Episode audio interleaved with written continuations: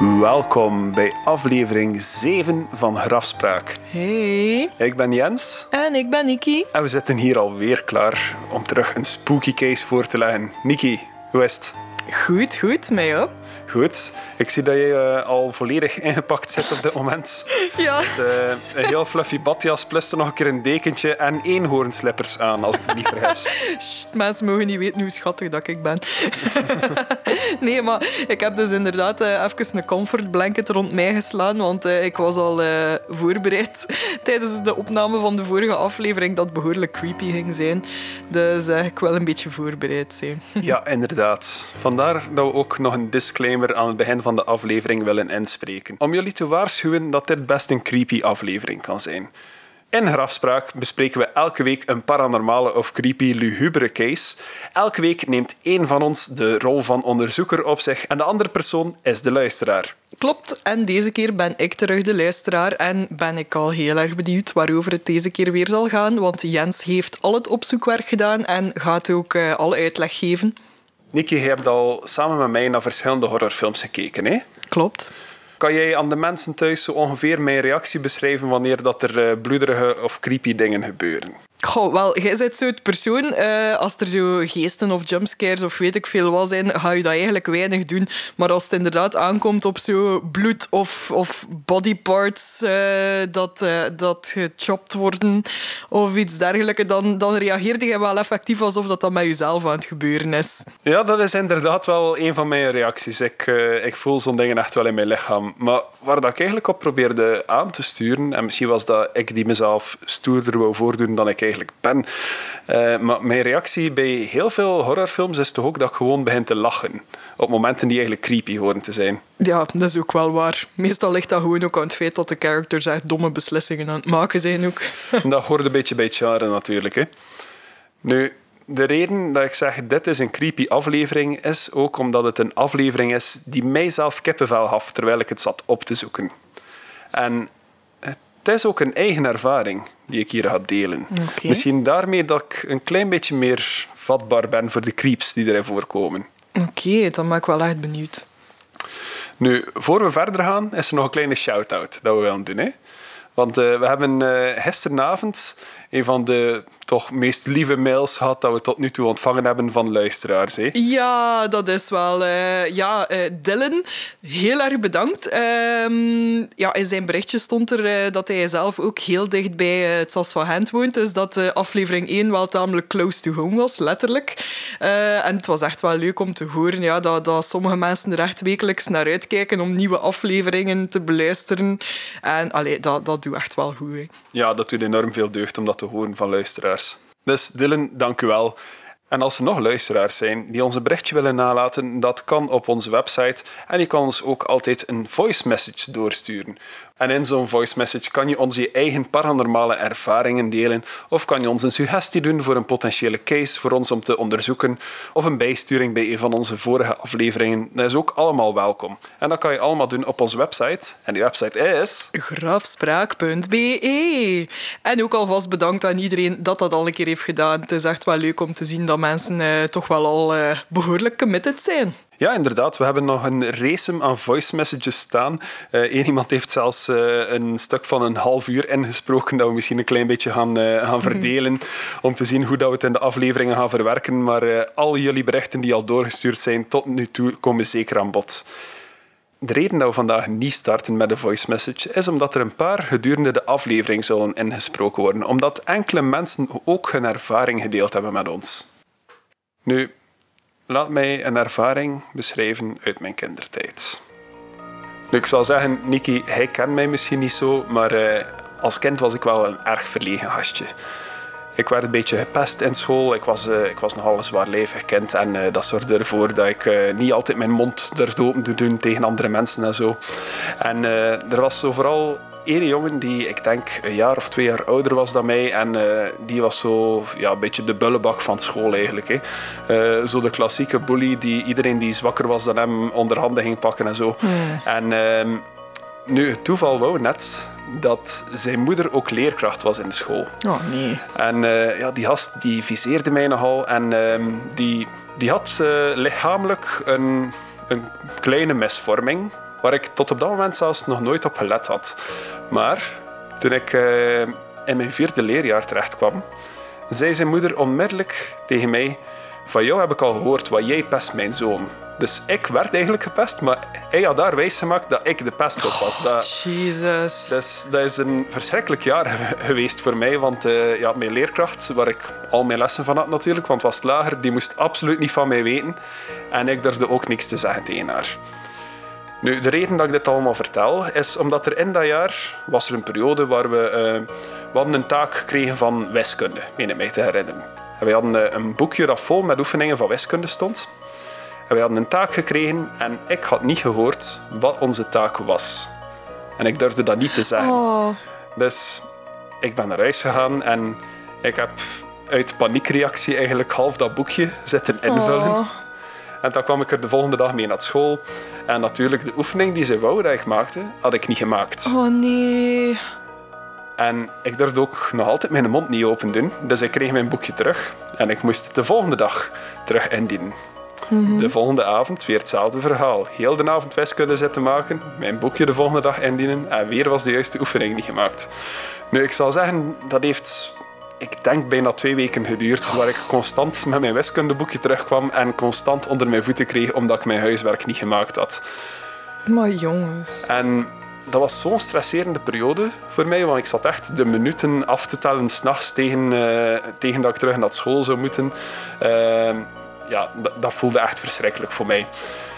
Nu, uiteindelijk is dat goed gekomen. Die, uh, die leerkracht had al zelf gezien van... Ah ja, maar ik zie dat je hier nog andere dingen hebt ingevuld. Weet jij wel wat dat je oefening is? En dan heb ik het toch maar gezegd. En, maar in die stressvolle periode was er één nacht, en dat weet ik nog heel goed, waar ik wakker word en ik voelde dat ik mij niet kon bewegen. Ik kon Mm. geen spier in heel mijn lichaam verroeren. En ik had ook het gevoel dat er iets aanwezig was in de kamer, dat er iets aan het kijken was naar mij. Ja. En met heel veel moeite heb ik een ooglid kunnen open doen. En ik slaap aan de linkerkant van het bed en ik kijk naar links met mijn oog dat een beetje open is.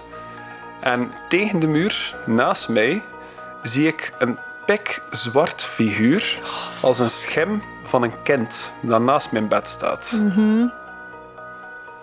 Nu, het heeft enkele minuten gekost, of het voelde toch als minuten, als hele lange minuten, voor ik echt terug in beweging kon geraken. Maar zodra dat ik knipperde, was die figuur ook weg. Ik kan hem tot op vandaag nog altijd in mijn geest voor mij zien staan. Dat was klaar duidelijk een figuur van een kind dat er naast mij Oh, stond. jongens. Ik kon niet uitmaken welk kind of zo. Het was geen figuur die mij bekend voorkwam. Maar er stond daar een figuur van een kind.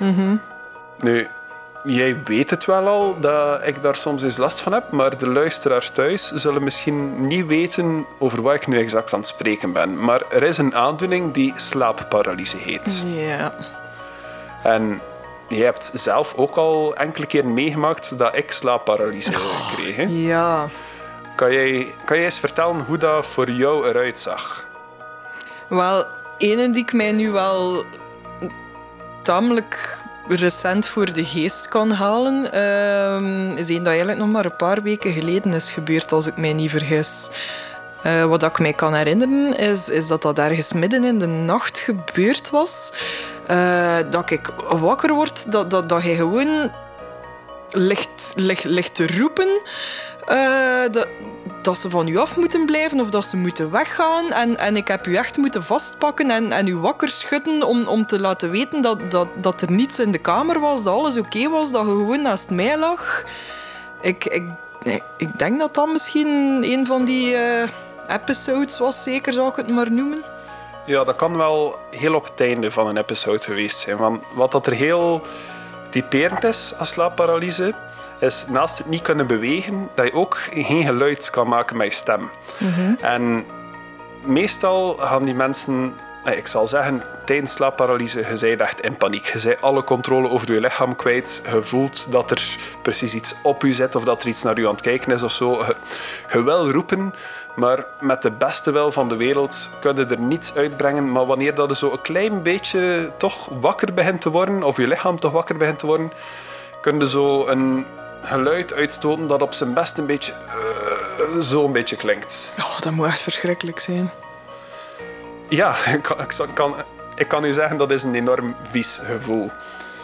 Nu, slaapparalyse heeft verschillende namen in verschillende culturen en uh, wordt soms ook gelinkt aan entiteiten. Nu zal ik u zeggen, dat kind dat ik gezien heb, is het enige dat ik ooit gezien heb. Side note is wel, elke keer als ik slaapparalyse heb, dan voel ik ook wel een of andere aanwezigheid. En een van de meest typerende dingen is alsof dat er iets op je borstkas zit te duwen. Mhm. Dat u echt naar beneden duwt. Uh, er is ook een oude term voor slaapparalyse dat ze old hag syndrome noemen. Uh, omdat ik denk dat in, uh, in meer Oosterse culturen was dat ze, dat ze geloofden dat dat een heks was die op je lichaam zat en die je naar beneden aan het duwen was. Oké. Er zijn verschillende, uh, verschillende theorieën erover. Er, er, zijn ook culturen die zeggen dat een of andere kat of een aap of zo is die op je zit. Er is zelfs een schilderij van... een schilderij uit 1781 van een schilder genaamd Henri Fuseli, of Henri Fuseli, ik weet niet hoe dat zijn naam uitspreekt. dat heet The Nightmare. Je mag dat schilderij eens beschrijven. Um, ja, wacht hè. Ik ga even kijken. Dus er ligt een uh, slapende ik denk dat het een vrouw is. Ja, het is een vrouw. Um, en die heeft een soort van... Ik denk dat ik het best gewoon zo een trollachtig wezen zal noemen dat op haar borst zit, gehurkt. Uh, maar ook uh, naast haar, allez, achter haar, naast, uh, naast waar ze ligt te slapen, zie ik ook een zwart figuur. En ik denk dat het best omschreven kan worden als een soort van ja, zwarte paardenkop. Ja, inderdaad. Nu, dat is, zoals ik zeg, heel typisch. Hè. Je wordt naar beneden geduwd, je voelt een aanwezigheid, je voelt je bekeken. Ehm, het is moeilijk onder woorden te brengen, maar het is echt een ongelooflijk vies gevoel. En dat schilderij toont wel een beetje aan hoe dat voelt, ook al heb ik niet het gevoel dat er beesten naar mij aan het kijken zijn. Mhm. Nu, dat wezen dat op haar borstkast zit, dat doet mij een beetje denken aan zo, uh, die, die vliegende apen uit de Wizard of Oz. ja. We zullen trouwens ook een foto van het schilderij op onze website zetten. En er zal waarschijnlijk ook wel een op onze Instagram staan intussen. Maar wie de foto en nog meer documentatie wil zien, raden we aan om naar grafspraak.be te gaan. Nu, zoals ik aan het begin van de aflevering zei, Niki, we hebben een paar getuigenissen van mensen die ook soms last hebben van slaapparalyse. Ja. Nu, toeval wel, de eerste heet ook Jens. En we zullen even luisteren naar hem.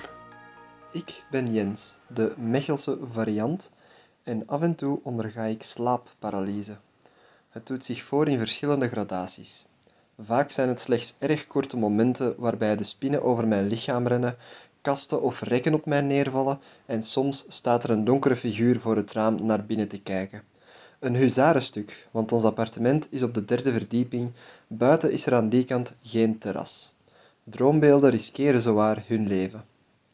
Op een nacht werd ik wakker, of wat je wakker kan noemen op zo'n moment, met een witte zilveren schim aan het voeteinde van mijn bed. Een soort rokerige figuur stond op mij neer te kijken. Er waren geen ogen te zien, maar ik voelde gewoon dat die figuur zich tot mij wendde. Van zodra ik mij kon bewegen, sprong ik naar de lichtknop naast mijn bed. Uiteraard was er niets te zien waar enkele momenten voordien nog een witte schim te zien was. Ook toen het licht terug uitging, was er weinig meer dan totale duisternis. De volgende dag ging mijn oma plots zwaar achteruit. Ze lag al enkele jaren in een rusthuis na een hersenbloeding en die dag werd besloten om over te gaan tot euthanasie. Zover is het echter niet gekomen. Bij het toedienen van een verdoving werd ze op haar zijkant gelegd en toen ze weer op haar rug werd gedraaid, ademde ze niet meer. Ik geloof helemaal niet in een leven na de dood of paranormale verschijnselen. Ze fascineren me, maar niet meer dan dat. Toch is het beeld van die witte schim mij altijd bijgebleven. Was het een voorbode van iets? Was het een buitenwereldse entiteit die mijn oma kwam ophalen? Was het misschien mijn onderbewustzijn dat al doorhad dat het niet goed met haar ging? In dat laatste geval zou ik het vals spelen noemen, want het ging al jaren niet goed met haar. Zo kan ik het ook. Zeven jaar geleden stierf mijn oma. Ik was triestig, uiteraard, maar ergens was ik ook opgelucht. Haar dood was, denk ik, een bevrijding voor haar. In stressvolle periodes durf ik alleen slaapwandelen of onderga ik een lichte vorm van slaapparalyse. Maar zo'n witte schim heb ik nooit meer gezien. Gelukkig maar, want het is toch wat cliché, niet? Mai. Heavy, hè? Ja, ehm, ja, dank u wel voor uw bericht, Jens. Eh, goh, merci voor uw eerlijkheid vooral. En het is echt wel confronterend. Is, allee, ik, ik als buitenstaander weet er natuurlijk heel weinig van. Ehm, dus allee, ja, dat komt natuurlijk bij mij misschien ook een beetje harder binnen. Want om, om er echt mee te leven, dan moet echt... eh, ja, dan- Ja, inderdaad. Dat, dat is zeker niet gemakkelijk. Maar er zijn wel een paar belangrijke punten die Jens aangehaald heeft. Hij zei dat dat vooral in stressvolle periodes voorkomt bij hem. En Ja. dat is ook de reden dat ik, eh, dat ik daarnet dat verhaal uit mijn jeugd vertelde. Dat was een enorm zware, stressvolle periode voor mij. En dan heeft dat zich voor de eerste keer gemanifesteerd. Of dat is toch de eerste keer dat ik me kan herinneren. En sindsdien kan ik mij misschien twee of drie andere momenten in mijn leven herinneren dat dat effectief gebeurd is. Er was nog één periode waar ik dat echt heel actief had. En eh, dat was, ik denk, een jaar of zes, zeven geleden. Eh, ik zat toen in een relatie die op zijn eigen aan het lopen was. En ik, voelde, ik voelde dat het niet goed ging. Ik voelde dat ja, dat ge- gedaan ging raken. En in die periode heb ik dan nog twee of drie keer in een lichte vorm gehad. Weer zo iets voelen duwen op mij en niet kunnen bewegen. Maar die waren vrij rap over. En sindsdien denk ik dat nog één of twee keer heel licht gebeurd is. Een periode enkele jaren geleden ook waar ik met eh, enorm veel pijn moest leven, omdat ik toen een aandoening had die gelukkig al opgelost is intussen. Eh, toen, ja, hij had dat meegemaakt, Nicky. Ik sliep drie uur per nacht, maanden aan een stuk. Maar Eh, ja, dat hij, hij was een wandelend. Ga. dat heeft geen goed gedaan aan mijn lichaam in die tijd. En eh, dat was een extra stress die bovenop mij zat, die mij zijn. ook nog enkele van die aanvallen heeft bezorgd. En zoals al gezegd, een paar weken geleden had ik ook nog zo'n episode. Nu, was het een nachtmerrie, was het slaapparalyse, ik weet het niet meer. Van, hij heeft mij wakker gemaakt voordat ik er echt besef van had. Waarvoor dank. Ja, ik had u dat ook nog nooit weten voor hebben, eh, inderdaad. Ehm, maar dat is inderdaad wel die stress dat aanhaalt, is een van de dingen. En allee, ik ben blij dat nog niet veel is voorgevallen sinds dat wij samen zijn. Dus dat is wel degelijk teken dat ik u weinig stress geef. Ehm, ik ben nu misschien een beetje voorop aan het lopen op de feiten ook, maar ik heb ook ooit een keer ergens gelezen of gehoord ehm, dat zich dat meestal ook voordoet eh, aan het begin van, eh, van het slaapritme. Wel, je hebt twee verschillende soorten van slaapparalyse eigenlijk. Of toch twee die ik al ondervonden heb. Wat ik soms kan hebben, is dat ik eh, lig in te dommelen. En kende dat, dat je lichaam al in slaap voelt vallen, maar je bent nog wakker, je ligt precies weg te zweven. Ja.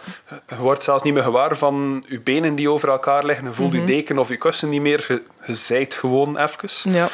Ehm, dat voelt eigenlijk een beetje als uit je eigen lichaam treden. En wat ik daar vaak bij heb, is dat ik stemmen of muziek of zo kan horen. Meestal heel, heel distorted, alsof dat er gewoon een radio wordt overgeschakeld en dat ik ze gewoon een paar klanken hoor.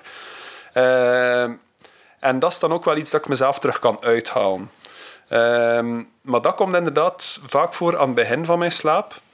Eh, maar de echte slaapparalyse, zoals, eh, zoals Jensen beschreef en zoals de ervaring die ik daarnet beschreef, gebeurt eigenlijk voornamelijk als je wakker wordt in, ik denk, uw remslaap.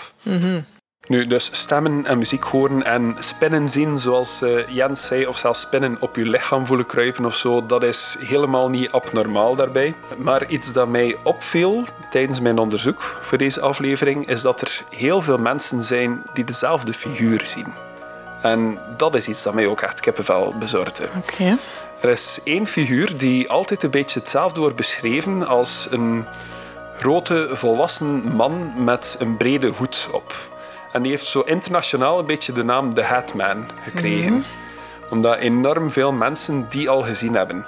Die figuur wordt door heel veel personen hetzelfde omschreven. Een man van ongeveer 1,80 meter.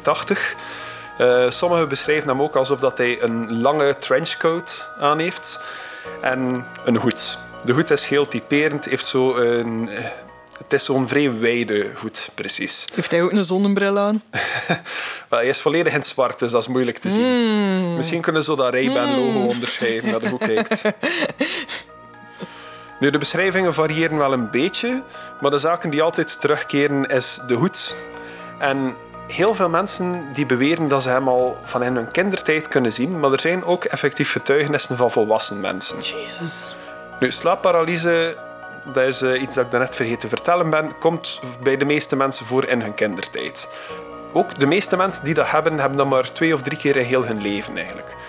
Maar er zijn dus mensen die dat tot hun volwassen periode kunnen blijven hebben en helaas ben ik er één van. Ja, daar verschiet ik van, want ik dacht echt dat dat, dat, dat iets was dat echt zo heel je leven enorm frequent voorvalt. Maar misschien zijn dat dan ook de uitzonderingen.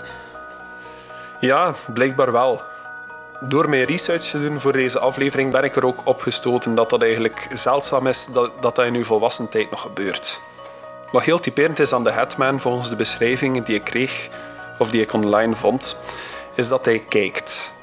Hij doet niets, hij beweegt meestal ook niets, maar hij staat te kijken naar u. En voelt, volgens verschillende beschrijvingen van mensen, voelde gewoon een pure kwaadaardige aanwezigheid in de kamer, het moment dat hij naar u staat te staren. Ik zal er ook bij zijn, dat is een standaard gevoel dat ik heb bij elke slaapparalyse. Och. Alsof dat er iets Ja. kwaadaardig in de kamer zit. Ik krijg terug kippenvel van erover te praten en ik zie u daar ook een beetje ongemakkelijk zitten. eh. oh, ik, Gaat ben, nog? ik, ja, ik ben blij dat ik mijn comfortblanket heb, maar wilde jij hem anders? Ik wil hem rust afgeven hoor. Nu, er zijn ook een paar getuigenissen van mensen die beweren dat hij in daglicht verschenen is. Oh. Maar hij zou wel donkere slaapkamers verkiezen. Het is dan dat de meeste mensen hem tegenkomen. Ik zal even een beschrijving voorlezen van iemand op Reddit. Jee. Hij wandelde door de hang en kwam soms de kamer van mijn ouders binnen, waar ik ook sliep. Hij zou dan stoppen, recht naar mij kijken en tot aan het voeteinde van het bed stappen. Uit schrik zou ik me wegstoppen onder de dekens. Mijn zus die kon exact hetzelfde tot in de details beschrijven. Mijn moeder die ontkende altijd dat de Hetman bestond tot we verhuisden. Dan gaf ze toe dat ze hem ook af en toe zag, maar dat ze dit verzweeg om ons kalm te houden. Nu, als je op Reddit kijkt, zijn er vrij veel getuigenissen over de Hetman. En dat is ook een zekere Tim Brown opgevallen. Tim Brown die zegt dat hij de Hetman zag in Nashville toen hij 14 jaar was. Hij viel in slaap terwijl hij naar tv aan het kijken was. En hij werd na een tijdje wakker door het geluid van de tv.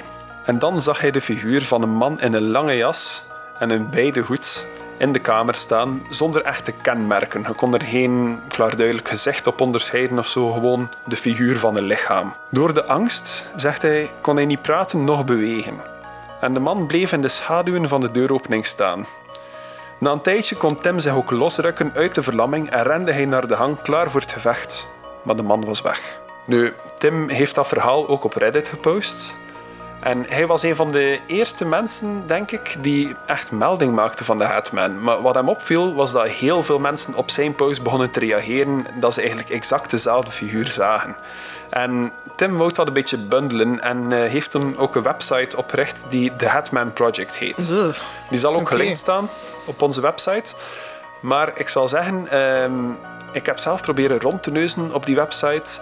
En eh, de meeste blogposts en zo zijn offline gehaald, ook al is de website wel nog online. Nu, er is zo wel een handig trucje eh, op het internet dat de, de Wayback Machine heet, waarmee dat je oude versies van websites nog opnieuw kan bezoeken. Dus zo ben ik er toch in geslaagd om de oude blogposts nog terug te vinden. En eh, we zullen ook de Wayback Machine link van de Hetman Project op onze website zetten. Maar ik ben er zelf wel benieuwd naar. Nu, de Hatman die heeft nog een serieuze invloed gehad. Zo ver zelfs dat er een fictiereeks is waar wij allebei naar gekeken hebben, waar er een spook in zat gebaseerd op de Hatman. Ja. Ik neem aan dat hij u The Haunting on Hill House herinnert. Ja. Oh, nee. Oh, oh. Herinnert u? Oh, die langen met zijn bolhoed. En, oh, Weet je nog hoe dat die heette? Oh nee, de Hatman. Nee, nee. die lange met zijn bolhoed, zoals dat hij hem beschrijft, heet The Floating Man. Ja. En die is losjes geïnspireerd op de Hatman. Ik, oké, even. ehm, ik was dat ding al los vergeten. Ik denk dat ik dat gewoon ergens had opgeborgen of zo in een kastje in mijn onderbewustzijn. Maar nu ga ik daar sowieso nachtmerries van hebben, hè, deze nacht. Ik ga niet durven opstaan om naar het wc te gaan. Hè. Moet mij maar wakker maken. Bedankt hoor. Als ik kan bewegen op dat punt. Ah. Voor we verder gaan over de Hatman, want ik heb er nog wel enkele dingen over te vertellen, gaan we eerst naar een tweede getuigenis luisteren. Deze van Eline. Hallo iedereen, ik ben Eline Teugels. Twee jaar geleden werd ik uitsluitend nachtdienst als verpleegkundige. En doordat mijn slaappatroon toen zodanig verstoord was, had ik s'nachts en overdag dus last van sleep paralysis of slaapverlamming. Um, dit hield in dat ik plots wakker werd en niet kon bewegen. Het enige wat ik kon doen was mijn ogen openen. Um, toen hoorde ik stemmen, uh, voetstappen op de trap, uh, tieren, roepen, fluisteren in mijn oor. Heel frustrerend, heel beangstigend ook, omdat je echt, echt niks kan doen. Uh, ik probeerde beetje bij beetje mijn vingers te bewegen, mijn hand te bewegen en dat kwam dan wel terug. Dat duurde minuten lang, maar dat voelt veel langer aan. Bij één ervaring specifiek voelde ik een druk op mijn nek, uh, omdat ik op mijn buik lag. En dat was precies alsof iemand op mij zat en mij aan het wurgen was. Dus dat was verschrikkelijk, zeer beangstigend. Uh, en als dat dan gedaan is, ja, dan voel je echt uh, heel bang. Je durft niet in slaap vallen. Als je in slaap valt, heb je weer hetzelfde voor. Dus het is echt wel een van de engste ervaringen, denk ik, ooit. Dank u wel, Eline, om dat te delen met ons. Nu, zoals Eline dat beschrijft, dat gevoel dat er gewurgd wordt, dat is ook nogal typerend bij een slaapparalyse. En ik kan getuigen dat dat echt een heel vals gevoel is. Jongens, dat is verschrikkelijk, zeg. Ik kan me nog één keer specifiek herinneren uh, dat ik hier in de living in de zetel in slaap gevallen was, s'nachts. En uh, dat ik wakker werd, ook terug op een moment van slaapparalyse. En dat ik echt handen voelde die mijn armen naar beneden aan het drukken waren Oh. in de zetel. En iets dat op mijn borstkas aan het doen was. En ik kon ook niet aan adem geraken. Dat voelde ook alsof dat er druk op mijn nek zat. Dat is zo'n beetje wat dat omschreven wordt als de old hack syndrome. Ja. Eh, als in de oude onzichtbare heks die op mijn borstkas zou gezeten hebben en mij naar beneden duwt en mij wurgt. Want misschien heeft ze vier armen, ik weet het niet. Maar dat klinkt ook heel gelijkaardig aan wat Eline heeft meegemaakt. Dat gevoel van gewurgd te worden. En eh, ja, opnieuw, mijn haar komt er echt bij eraan te denken eigenlijk. Ja, jongens. Maar die verlamming, dat is dus... ehm, heb je dan elke keer het gevoel dat er iets is dat je, dat je armen en benen tegenhoudt? Of is dat gewoon letterlijk je lichaam dan nog even moet, moet wakker worden terug? Of voel je echt zo letterlijk dat je overal tegengehouden wordt? Die keer in de zetel dat ik beschrijf, is de enige keer dat ik letterlijk handen voelde. Meestal is het inderdaad uw lichaam. eh, We zullen straks nog terugkomen op de wetenschappelijke verklaring voor slaapparalyse. Eh, Maar meestal is het inderdaad gewoon uw lichaam dat niet kan bewegen. En voelde niet noodzakelijk die druk, maar het kan wel. Nu, we gaan even teruggaan naar de Hatman. Maar we zijn nog niet helemaal klaar met hem. Moeten we? Jij woont een paranormale podcast. Er is- iemand die beweert dat hij erin geslaagd is om een foto te nemen van de Hatman. Ah, nee. Of zelfs een paar foto's. Ik ben hier niet klaar voor. Ik zal ze u even tonen. Zijn je er klaar voor? Allee, kom. Wat zie jij op die foto's? Ik zie, eh, eerlijk gezegd, zie ik zo gewoon. ehm, hmm. Eh, het lijkt heel erg ja, met, met night vision eh, gefotografeerd een beetje, want er is heel veel ja, donkerte ruis en zo. Maar het beste dat ik eruit kan opmaken is zo precies zo een, een creepy Halloween-masker dat uit de duisternis komt opdoemen. Het lijkt zo echt zo'n grimas te hebben. Ja, mij doet een beetje denken aan Emperor Palpatine eigenlijk. Oké, als ik nog een keer bang ben in het donker, zal ik gewoon denken aan Palpatine. Dat staat. the darkness. en de, de derde foto die hierop staat, doet mij een beetje denken aan dat Saw-masker eigenlijk. Ja, wel, ik, ik denk dat dat er inderdaad het dichtst bij in de buurt komt. Nu, ik zal zeggen, ik heb zelf eh, zo een schaduwfiguur gezien, waar we subiet nog op terugkomen. Maar die hadden geen wit gezicht zoals op deze foto. Dus eh, wat mij betreft is het, eh, is het geen echte foto van, eh, een, van een Hatman of zo. Maar ik kan er wel zo gezichtsfeatures in onderscheiden. Of dat daarom iets paranormaal is of niet, dat laat het nog in het midden. Maar volgens mij is dat geen, eh, geen fysieke verschijning van eh, een, een slaapparalyse schaduwfiguur. Ja, het lijkt mij inderdaad ook niet echt iets dat op camera zou kunnen vastgelegd worden. Maar opnieuw, we zullen deze foto's ook delen op onze website op grafspraak.be. Nu, over die schaduwfiguren zijn er verschillende theorieën. En een van de meest prominente is dat de Hetman eigenlijk een beetje de leider is van de schaduwfiguren. Ik zal eventjes nog een getuigenis voorlezen. Ik had al een schaduwfiguur gezien, waarvan ik nu geloof dat het een aanhanger was van de Hatman. Ik wou schreeuwen, maar er kwam geen geluid uit mijn keel. De tweede keer dat ik een encounter had met schaduwfiguren was het met de Hatman. Deze keer was hij in het gezelschap van nog vijf figuren. Waar stond hij voorop? Ik lag te slapen op de sofa bij mijn ouders thuis. Door de vorm van zijn hoed zou ik zeggen dat het een Chinese man was. Ik kon ze eerst verjagen met mijn wilskracht, maar ze waren al gauw terug. Met veel moeite kon ik nog net de woorden uitspreken: Vertrek in de naam van Jezus Christus. Na deze woorden uit te spreken, heb ik de Hetman en de schaduwfiguren nooit meer teruggezien. Oké. Ja. Ik heb zelf nog nooit geprobeerd om de naam van Jezus te roepen, terwijl ik weet ook niet of dat hij per se naar mij zou luisteren. Eh, maar ja, het is een theorie blijkbaar. Misschien moeten we ook eens uw kruisje in de kamer hangen, terug gelijk dat Kim had gedaan voor haar 3 o'clock eh, ghost. Nu moet ik zeggen, zowel in mijn ouderlijk huis als hier, of eender welke plaats waar ik slaapparalyse gehad heb, hing er nergens een kruisbeeldje in huis. Ik denk dat er wel ergens eentje in, eh, in een van onze verhuisdozen zit die, eh, die op zolder staan bij ons. ik heb ooit een keer eentje voor mijn verjaardag gekregen dat in een pakketje zat. eh. ik weet ook nog altijd niet goed waarom, maar we hebben een kruisbeeldje, denk ik. Nu, ik zal ook zeggen, al de getuigenissen die ik al gegeven heb van de Hatman zijn gelinkt aan slaapparalyse. Maar niet iedereen die spreekt over de Hatman linkt hem daar noodzakelijk aan. Er zijn ook getuigenissen van mensen die zeggen dat ze hem van op een afstand hebben kunnen zien staan. Zo heb ik bijvoorbeeld de getuigenis gelezen van een moeder die met haar kindje naar buiten ging om eh, in de auto te stappen om naar school en het werk te vertrekken, veronderstel ik. En dat ze de Hatman ergens op een tiental meter van haar onder een lamp kon zien staan staren naar haar. Ja. Het kan ook zijn dat er daar gewoon een creepy man met een hoed stond. Voilà. Maar ik denk dat we die wel vrij gemakkelijk kunnen debunken. Ik, ik stel mij ook nu gewoon in mijn hoofd al direct zo terug die Hunting on Hill House bolhoedkerel voor. hè. God damn it. Ah, ik wil die reeks nog een keer opnieuw bekijken, die was echt goed. Nu, dat brengt mij ook wel tot een punt dat eh, een frustratie is bij de meeste van deze paranormale onderzoeken, is dat de, de grens tussen echte getuigenissen en creepypasta soms heel dun is. Hè? En dat soms moeilijk te bepalen is wat is een serieuze getuigenis en wat is gewoon iemand die een horror fanfiction aan het schrijven is over zijn eigen leven. Ja, want in een ene Reddit-post bijvoorbeeld ehm, van die gast dat zei dat zijn zus het ook had gezien. Ja, voor hetzelfde geld waren die elkaar van jongs af aan al aan het opmaken, gewoon elkaar bang aan het maken en hadden die daar gewoon nachtmerries over. Eh, omdat ze het ja, zodanig veel al hadden meegemaakt. Hè. Allee, of erover gepraat hadden. Ja, inderdaad. Dat is zeker ook iets dat vaak voorkomt, zo'n collectieve fantasie.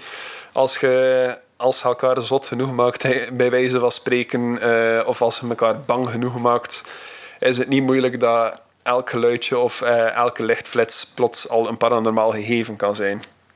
Ik heb nog één laatste getuigenis voor vandaag. Oké.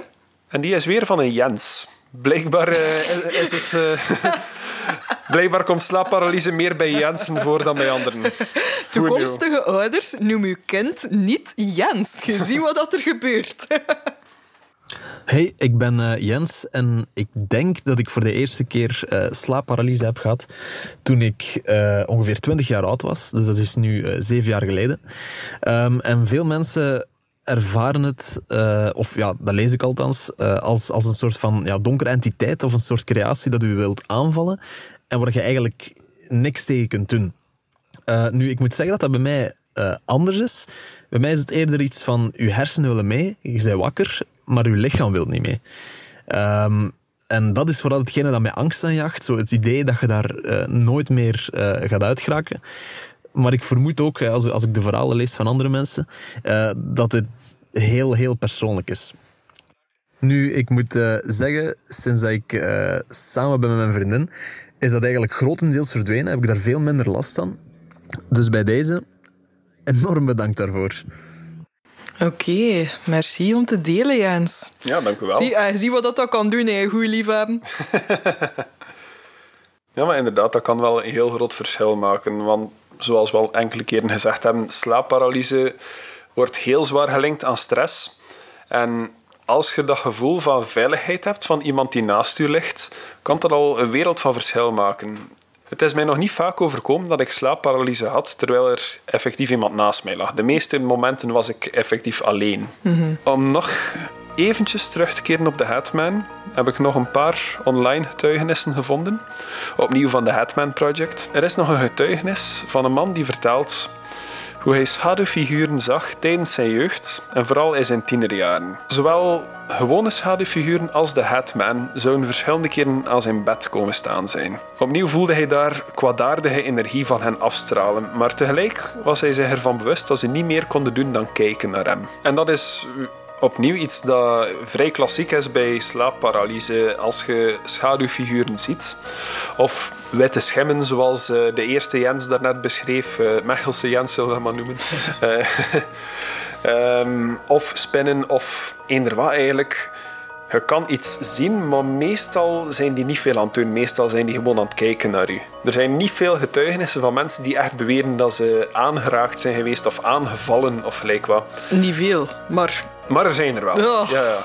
Ja. Er zijn er zeker. Maar opnieuw, is dat echt, is dat creepypasta? Dat is heel moeilijk te bepalen. Laat het ons hopen. Nu, wat figuren zien betreft, zijn er ook nog verschillende mensen die zeggen dat ze periodes hebben waar ze die schaduwfiguren verschillende keren kunnen zien. En dan jarenlang niets meer. Ook al treedt er nog slaapparalyse op in die periode dat die schaduwfiguren niet meer terugkeren. Zoals ik al zei, ik heb er zelf één keer één gezien in heel mijn leven. Maar er zijn mensen waar dat, dat echt een ja, blijvend fenomeen voor is. Maanden, jaren aan een stuk. Sommige mensen zeggen ook dat ze met meerdere tegelijk die schaduwfiguren konden zien. Er is zo bijvoorbeeld een man uit Chili die zegt dat zijn ouders en hun gasten op een feest de hetman zagen die de kamer van hun jonge baby, dus de man in kwestie, binnenging. En toen ze hem volgden in de kamer, was de hetman verdwenen. Nu, jaren later was diezelfde baby die intussen opgegroeid was, eh, een natuurwandeling maken met zijn vrienden, toch volgens eh, het verhaal dat hij deelde op de Hetman Project. En wanneer ze terug bij de auto kwamen, na uren wandelen, besloten ze om eerst eventjes een dutje te doen voordat ze gingen vertrekken. En na een paar uur, ergens midden in de nacht, wordt die man wakker tijdens een moment van slaapparalyse en ziet hij de Hatman recht tegenover zich staan, gewoon naar hem aan het staren. En hij is ontwaakt uit zijn slaapparalyse. En hij zag dat al zijn vrienden ook paniekerig aan het rechtscharrelen waren, omdat ze blijkbaar allemaal diezelfde figuur gezien hadden. En dat ze allemaal in de auto gesprongen zijn en in stilte weggereden zonder er ooit nog een woord over te rappen. Ja, dat lijkt mij inderdaad niet echt een geloofwaardig verhaal, maar toch... Ugh. Ja, ik sta mij er ook vragen bij. Ik heb nog nooit een gedeelde ervaring gehad met iemand. Misschien stond er daar effectief wel eh, een echte man met een hoed te kijken. Ja, wel, nee. wie weet inderdaad. Het is dat er stond midden in, in de nacht. Ugh. Nu, zelf heb ik hem gelukkig nog nooit gezien. Enkel het schaduwkind. En hij komt hier niet binnen ook, hè. Er zijn ook nog mensen die andere beschrijvingen geven. Eh, zo is er een documentaire die op Netflix stond of staat. Ik ben niet zeker dat hij er nog op staat. Maar die heet The Nightmare. En daarin doen verschillende mensen ook hun getuigenis over slaapparalyse. Sommigen vertellen vrij onschuldige verhalen over inderdaad eh, iemand die op je zit, iemand die u wurgt. Allee, in het geheel, in het geheel nog een van de meer onschuldige verhalen. Eh, maar er zijn ook getuigenissen van mensen die, eh, die geen schaduwfiguren beschrijven, maar figuren met witte vervormde gezichten. Bijna zoals Scream-masker eigenlijk. Of zoals eh, dat, dat gezegd op die foto daar. eh. Ja, wel. Zo'n beetje alien-like eigenlijk. Er zit daar ook een beschrijving in van iemand die zegt dat ze het gevoel had dat er iets seks had met haar, terwijl dat zij in slaapparalyse lag. Wow. Wat ik ook nog nooit heb meegemaakt, maar blijkbaar is dat ook een fenomeen. Hek. Ja, ik wil me er niet te veel bij voorstellen. Nu, je hebt ook wel mensen die heel lucide dromen kunnen hebben, waar ze zelf een beetje controle kunnen overnemen tijdens hun dromen. En dat is dat blijkbaar ook een beetje gelinkt aan slaapparalyse. Nu, ik weet niet, heb jij in heel jouw leven al een keer controle gehad over jouw dromen? Echt, dat je, dat je, dat je wist dat je in een droom zat en dat je dat je je fantasie in het wilde kon laten gaan? Goh, wel, ik, eh, ik heb daar eigenlijk al heel lang over nagedacht. Want dat is al van jongs af aan dat ik wel het gevoel heb dat, eh, dat ik wel heel veel kan, kan zo beslissen wat dat er aan het gebeuren is in mijn dromen. Ehm, zo zeker ook de dromen dat ik mij meestal het meest herinner, is zo bijna voordat ik ga ontwaken. Ehm, omdat die gelijk het meest vivid zijn en dat ik wel het gevoel heb dat ik daar tamelijk veel de controle heb over hoe dat ik aan het reageren ben of wat ik aan het doen ben. Maar eh, ik heb ook al veel sinds jongs af aan dezelfde dromen gehad. Uh, de laatste jaren heb ik dat gelijk wel niet meer. Maar vroeger had ik echt enorm veel dat ik in een bepaald gebouw, hotel, ik weet niet wat, dat ik altijd gelijk in dezelfde hang terecht kwam en dat er op het einde van die hang een deur was en dat ik zo telkens maar dichter bij die deur kwam en dat die ook open ging. Maar van het moment dat, ik eigenlijk wou kijken wat er achter die deur was, werd ik wakker. Hey, maar die spooky deuren altijd. Ja, ik weet het. Het is nu heel toevallig dat er weer een deur in zit. Maar uh, ja, it's kind of my thing, I guess. ja, we gaan die psyche toch een keer moeten doorgronden. Hè. Maar alhoewel, nu dat ik aan het vertellen ben... Um... Hadden mij een punnetje niet negeren. ik had het niet verstaan, sorry. Ik zei dus... We zullen uw psyche toch eens moeten doorgronden. Ah, deur... Oei, sorry. Hahaha. ah, voilà, dat is beter. Nee, maar mijn, mijn hoofd was al even volledig naar, uh, naar mijn andere dingen aan het gaan. Want ik besef net, terwijl ik het aan het vertellen was, dat ik wel degelijk onlangs weer zo'n droom had. Dat ik uh, door een, een soort van wijk aan het lopen was. En dat ik zeker wist van dat ik er al een keer was geweest. Terwijl in real life dat ik totaal niet wist waar of hoe dat, dat was. Maar dat ik wel zo perfect wist van, ah ja, kijk, nu ga ik hier dat straatje inslaan en ga ik verder naar daar gaan. Want subiet kom ik dan daar en daaruit. En ik had dat gelijk door dat ik dat aan het doen was. Dus ik denk dat dat ergens ook wel wat lucid dreaming was. Maar ik vind dat bizar dat ik gelijk in die droom perfect wist waar ik naartoe ging. Terwijl het een plek is dat ik in real life nog nooit heb gezien. Ja, inderdaad. Dat is wel iets speciaals natuurlijk. Nu, ik wil nog even inpikken op iets dat je daarnet zei. Want je zei, ik herinner mij vooral de dromen die gebeuren kort voordat ik wakker word. Maar kan je jouw andere dromen herinneren ook dan? Dromen die niet gebeuren net voordat je wakker wordt? Ik zal zeggen, de gemiddelde mens droomt tussen de drie en de vijf keer op een nacht, maar je kan ze enkel maar herinneren als je wakker wordt tijdens je droom, want je hersenen beschouwen dat als niet belangrijke informatie die ze direct terug wegfilteren. Nou, misschien dat dat dan dromen zijn dat ik vroeger op de, op de nacht heb gehad, maar dat die dan gewoon voordat ik wakker word nog terugkeren of zo. Maar het kan ook zijn dat je gewoon zijn wakker geworden tijdens de nacht, maar niet wakker genoeg om echt bewust te zijn en dat dan nog ergens in je onderbewustzijn blijft hangen. Ja. Ik denk wel dat ik zo vroeger meer had, voordat ik echt in een diepe slaap ging, dat ik toen ook wel veel droomde, maar ik heb zo gelijk het gevoel dat dat de laatste jaren zo niet meer is. Dat dat echt is van, ik leg mij neer en ik val gelijk een blok in slaap. Dat moet echt een haven zijn om dat te kunnen, want uh, ik heb dat van heel mijn leven nog niet kunnen doen. In slaap vallen duurde echt een eeuwigheid bij mij. moet gewoon de weight of the world op uw uh, schouders hebben en dat lukt al wel. Ik heb al de weight of the old hag op mijn borstkas, dat is al meer dan genoeg. Ik heb zelf nog nooit lucide dromen gehad in mijn leven. Nee, ik ben aan het liegen. Ik heb ene keer controle gehad over mijn droom in heel mijn leven. En ik kan me dan nog perfect herinneren wat dat er gebeurd was. Uh, in die droom ik zat nog in het lager toen. En uh, wat ik meteen zal vertellen, zal ook uh, meteen dateren hoe, hoe lang dat, dat geleden is. Ik zat in het lager en ik was uh, mijn vaste route aan het volgen om terug naar huis te wandelen. En in mijn droom kon ik door in elke hand een stuk van 20 frank te houden, kon ik vliegen. Dat was mijn logica. Ik kon een half meter boven de grond ongeveer vliegen met twee stukken van 20 frank in mijn handen. Ik moest echt mijn armen uitstrekken en die, die muntstukken vasthouden. Wow. Uh, voor de Hollanders het gaat over de tijd van de gulden. Uh, maar ik kon, ik kon daarmee vliegen en ik besefte dat ik aan het dromen was. En ik was echt even ja, wild aan het gaan daarin. Hè. Zo, uh, pirouettes in de lucht draaien en al. Totdat plots mijn moeder uh, riep omdat het tijd was om naar school te vertrekken. Maar dat is één droom dat mij heel vividly kan herinneren, omdat dat de enige keer in mijn leven is dat ik echt controle had over wat dat er aan het gebeuren was. En dat ik echt superkrachten had tijdens mijn droom. Wauw. Ik zal een keer op zolder zoeken. Misschien hebben we nog wel wat frankstukken. Nu, dat lucide dromen lijkt me wel een pak aangenamer dan slaapparalyse. Uh, want ja, zoals we al een paar keer aangehaald hebben, je kan je echt fysiek bedreigd voelen tijdens slaapparalyse. Je kan aanwezigheden voelen, je kan dingen op je lichaam voelen. En wat ook enkele mensen al beschreven hebben, is het gevoel alsof dat ze doorboord worden met iets. Precies alsof dat er een mes door hun lichaam oh. gaat of zo. Ik heb zelfs ook al het gevoel gehad alsof dat ik geprikt werd met naalden. Mm. Uh, wat dan natuurlijk ook een akelig gevoel is, maar gelukkig voor zowel mezelf als voor de mensen die uh, die ervaring beschreven hebben, uh, is dat nooit met echte fysieke letsels of zo. maar toch, zo het gevoel hebben dat je wakker wordt en dat er een mes door je lichaam gaat, kan niet fijn zijn. Hè? Nu heb ik ook wel een paar getuigenissen gelezen en het spijt me dat ik u dat nu moet vertellen, maar van partners van mensen met slaapparalyse die ook beweren dat ze schaduwfiguren en zo gezien hebben. Fuck no. Laat dat stuk er maar uit. Kom, moving on.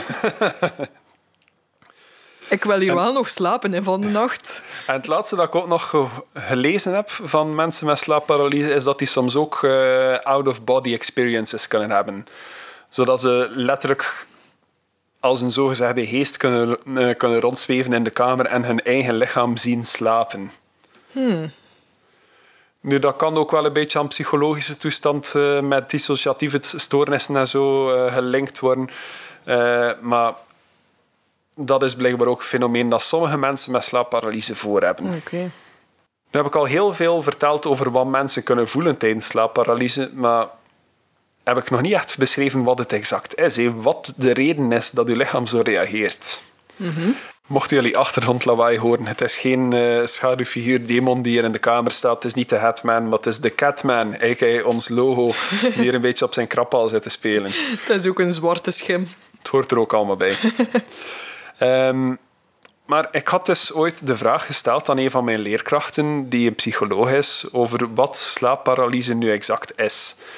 En die omschreef het eigenlijk als um, je bewustzijn kan je visualiseren als een ijsberg.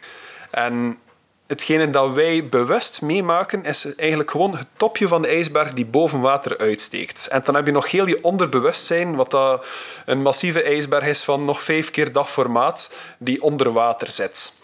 En op momenten dat je slaapt en dat je droomt, eigenlijk, uh, is de poort naar je onderbewustzijn open. Kan, uh, kan je geest vrij rondgaan in je onderbewustzijn. Mm en dat moment van slaapparalyse is eigenlijk dat je lichaam al begint wakker te worden, maar dat die poort nog steeds geopend is. Ja.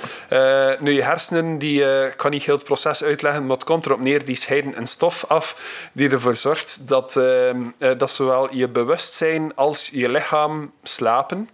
Dat moment van slaapparalyse is die stof al uitgewerkt in je bewustzijn, maar nog niet in je lichaam. En dat is de reden dat je lichaam eigenlijk niet kan bewegen. Oké. Nu, het feit dat zoveel mensen figuren zien of zaken voelen, dat, dat kan ook wel een beetje gelinkt zijn aan je onderbewustzijn dat nog wakker is en uh, je, je fantasie die allerlei dingen met je doet. Dat kan ook de reden zijn dat ik destijds als schaduwkind gezien heb, of dat er, uh, dat er zoveel mensen zijn die uh, een creepy man met een hoed zien staan, of die ook schaduwfiguren voelen, of ja, gewoon een aanwezigheid voelen. Want zelfs als je de, eh, het gevoel van die aanwezigheid wegdenkt, of zelfs als je zegt van er is geen aanwezigheid in die kamer, wat wel klopt, elke keer dat ik wakker geworden ben was er niets in de kamer, ook al mhm. voelde ik dat, kan dat akelig gevoel er ook gewoon van afkomen dat je gevangen zit in je eigen lichaam op dat moment. En dat dat voelt alsof dat er uh, een kwaadaardige geest u aan het beïnvloeden is of zo, zonder dat dat noodzakelijk het geval is. Nu, zoals al gezegd, een van de voornaamste oorzaken van slaapparalyse is stress, maar er zou ook een genetische component aan verbonden zijn. Als jij dat hebt, is er kans dat uw ouders of uw kinderen of andere familieleden daar ook soms last van hebben. En ik heb daar zelf ook eens voor geïnformeerd, want... Uh, ik heb nooit echt veel verteld over mijn slaapparalyse thuis. Ik weet zelfs niet meer of dat ik dat ooit aan mijn ouders verteld heb. Maar mhm. eh, bij de research voor deze aflevering heb ik het ook eens gevraagd aan mijn zus. En die vertelde mij dat ze ook wel al enkele keer een slaapparalyse voorgehad heeft. Nu, ze heeft nog nooit een figuur gezien of zo, zei ze, maar wel zo dat drukkende gevoel, uh, niet kunnen bewegen, dat heeft ze wel ook een paar keer meegemaakt. Mhm. Dus ja, de genetische factor zou er zeker wel een rol in spelen. Ehm, maar er zijn ook mensen die op zoek gaan zijn naar oplossingen. Om, eh, ja, het is natuurlijk niet fijn slaapparalyse. Je zou alles doen dat je kunt om dat te vermijden. Zo zijn er ook die, eh, die zeggen dat ze dat niet hebben wanneer dat ze met licht aanslapen. Uh, in mijn tienerjaren heb ik ook wel een periode met licht aangeslapen, waar ik mijn ouders wijs maakte dat ik gewoon al lezend in slaap gevallen was. Ik, ik legde zelfs expres een boek op mijn bordkast, ook al had ik niet gelezen. Maar ik sliep gewoon met licht aan en dan kreeg ik de volgende dag onder mijn voeten daarvoor. maar goed, ja. Dat is dus gebeurd. Um, maar wat dat mensen ook nog aanraden, is een regelmatig slaappatroon. Dat zou ook kunnen helpen. Uh, ik zie wel judgy kijken, want ik heb absoluut geen uh, regelmatig slaappatroon. Uh, gezonde voeding, ook iets waar ik... Hmm, je zou bijna denken dat dat inderdaad goed is om gezond te leven.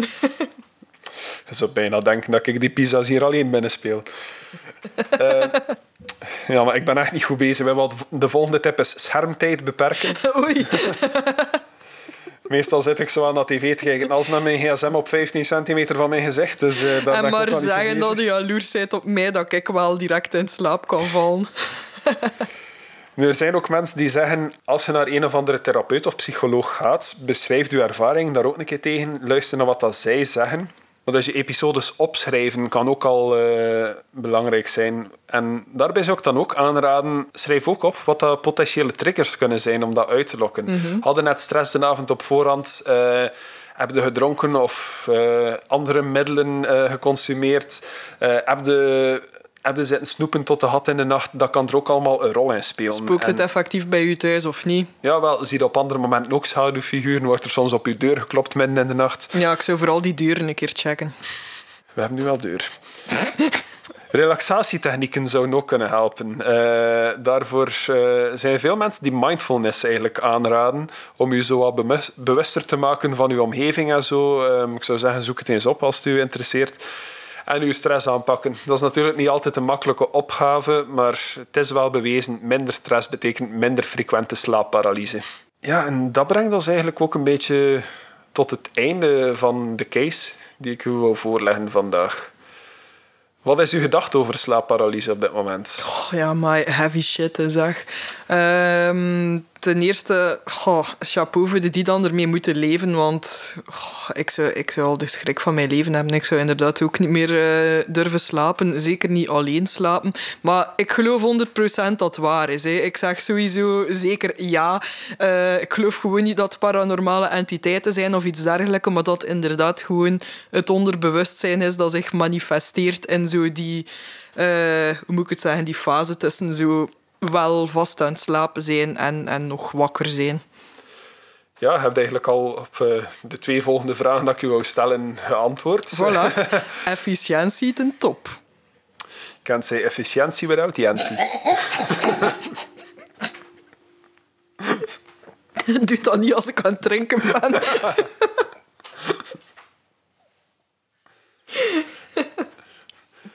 Ja, dus ja, dat, slaapparalyse echt is, ja, dat kan ik beamen. En uh, ik denk dat de meeste mensen wel ergens iemand in de omgeving zullen hebben die dat ook kunnen bevestigen. Slaapparalyse is echt, daar is er weinig discussie over. Uh, het paranormale aspect ben jij nog niet echt van overtuigd.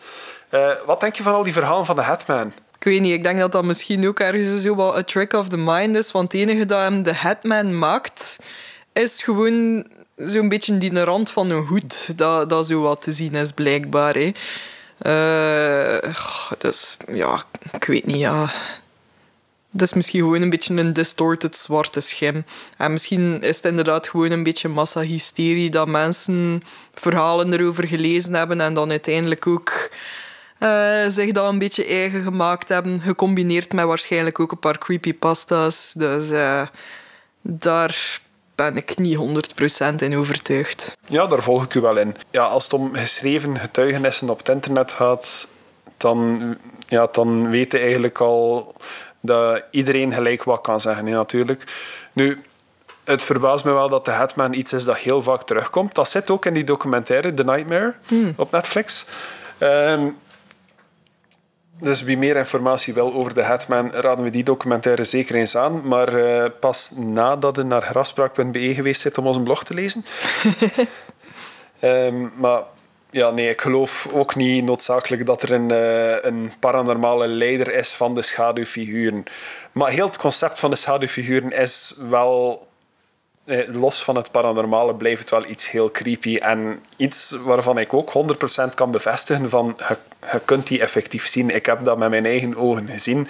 Ik geloof niet dat er daar een spook was. Uh, ik heb ik heb nog nooit iets echt paranormaal meegemaakt, zoals we gezegd hebben in de eerste aflevering. Maar ik heb wel die schaduwfiguur gezien.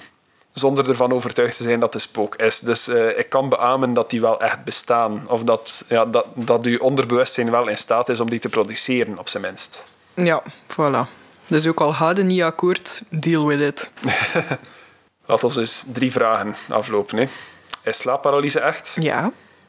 Is slaapparalyse paranormaal? Nee. Is slaapparalyse creepy as fuck? Maar fuck ja. Ik ben akkoord met uw ja en met uw twee ja's en uw nee. dus je hebt het hier gehoord, mensen. Slaapparalyse is niet noodzakelijk paranormaal, maar het is enorm griezelig. En dat brengt ons ook tot het einde van onze aflevering. Nu, voor jullie allemaal een onrustige nacht tegemoet gaan, raden we jullie nog aan om jullie te abonneren op Grafspraak. Kan dat doen op Spotify of iTunes slash Apple Podcasts of op eender welke podcast-app naar keuze. We staan overal op. Ja, en neem u misschien ondertussen ook een keer een relaxerend badje of zo. en beperk uw schermtijd van de avond. Um, Ik maar... geen beloftes. Maar als je schermtijd nog, toch niet wilt beperken, gebruik hem dan tenminste om een keer naar onze sociale media te gaan. Dat is Grafspraak op zowel Facebook als Instagram en Twitter. En als je op Facebook zou zijn, ga dan via de pagina ook een keer naar de groep. Want wij hebben ook de groep Grafspraak nu, waar je lid kunt maken. Um, en ja, daar kun je gerust ook uh, uw ervaringen op delen of memes opzetten. Doe maar zot. Ja, inderdaad. En uh, het is daar vrij gezellig. Al moet ik zeggen, momenteel zit heel de groep hier aan deze tafel. Dus uh, we zijn nog met niet zoveel, maar uh, we willen meer vriendjes. Dus join inderdaad onze Facebookgroep waar je regelmatig in contact zal kunnen komen met ons. Meer vriendjes. We willen meer vriendjes. Niet lachen met mij, ik wil vriendjes. ik heb je al gezegd dat ik een onzeker kind was. ik ook, ik durfde mijn mond niet open te doen in de klas. Wie meer informatie wilt over deze case of een van onze voorgaande, ga naar grafspraak.be, waar je de casefiles van al onze afleveringen kunt lezen met meer nuttige links, alle foto's die vermeld zijn, alle video's die vermeld zijn en alle bronnen die we vermeld hebben. Op grafspraak.be kun je ook lid maken, wat ervoor zal zorgen dat je de eerste bent die een e-mail krijgt wanneer er een nieuwe update op de website verschijnt. Want wij wij durven soms onze afleveringen iets vroeger dan de releasedag al, uh, al online te zetten. En dat is dan een klein extraatje voor de mensen die geabonneerd zijn. Ja, waarschijnlijk was dat met deze aflevering ook zo. de kans is groot. Het zal uh, afhankelijk zijn van hoe goed ik geslapen heb.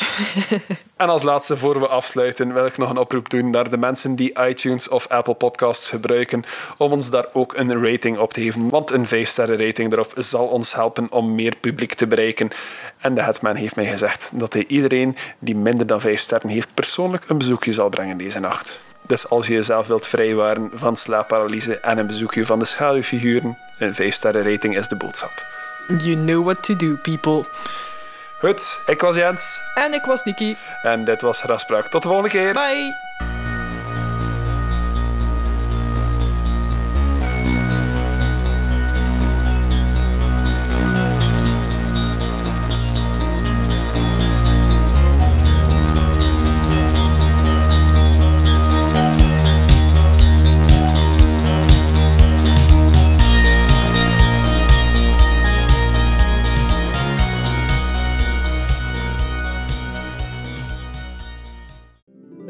grafspraak.be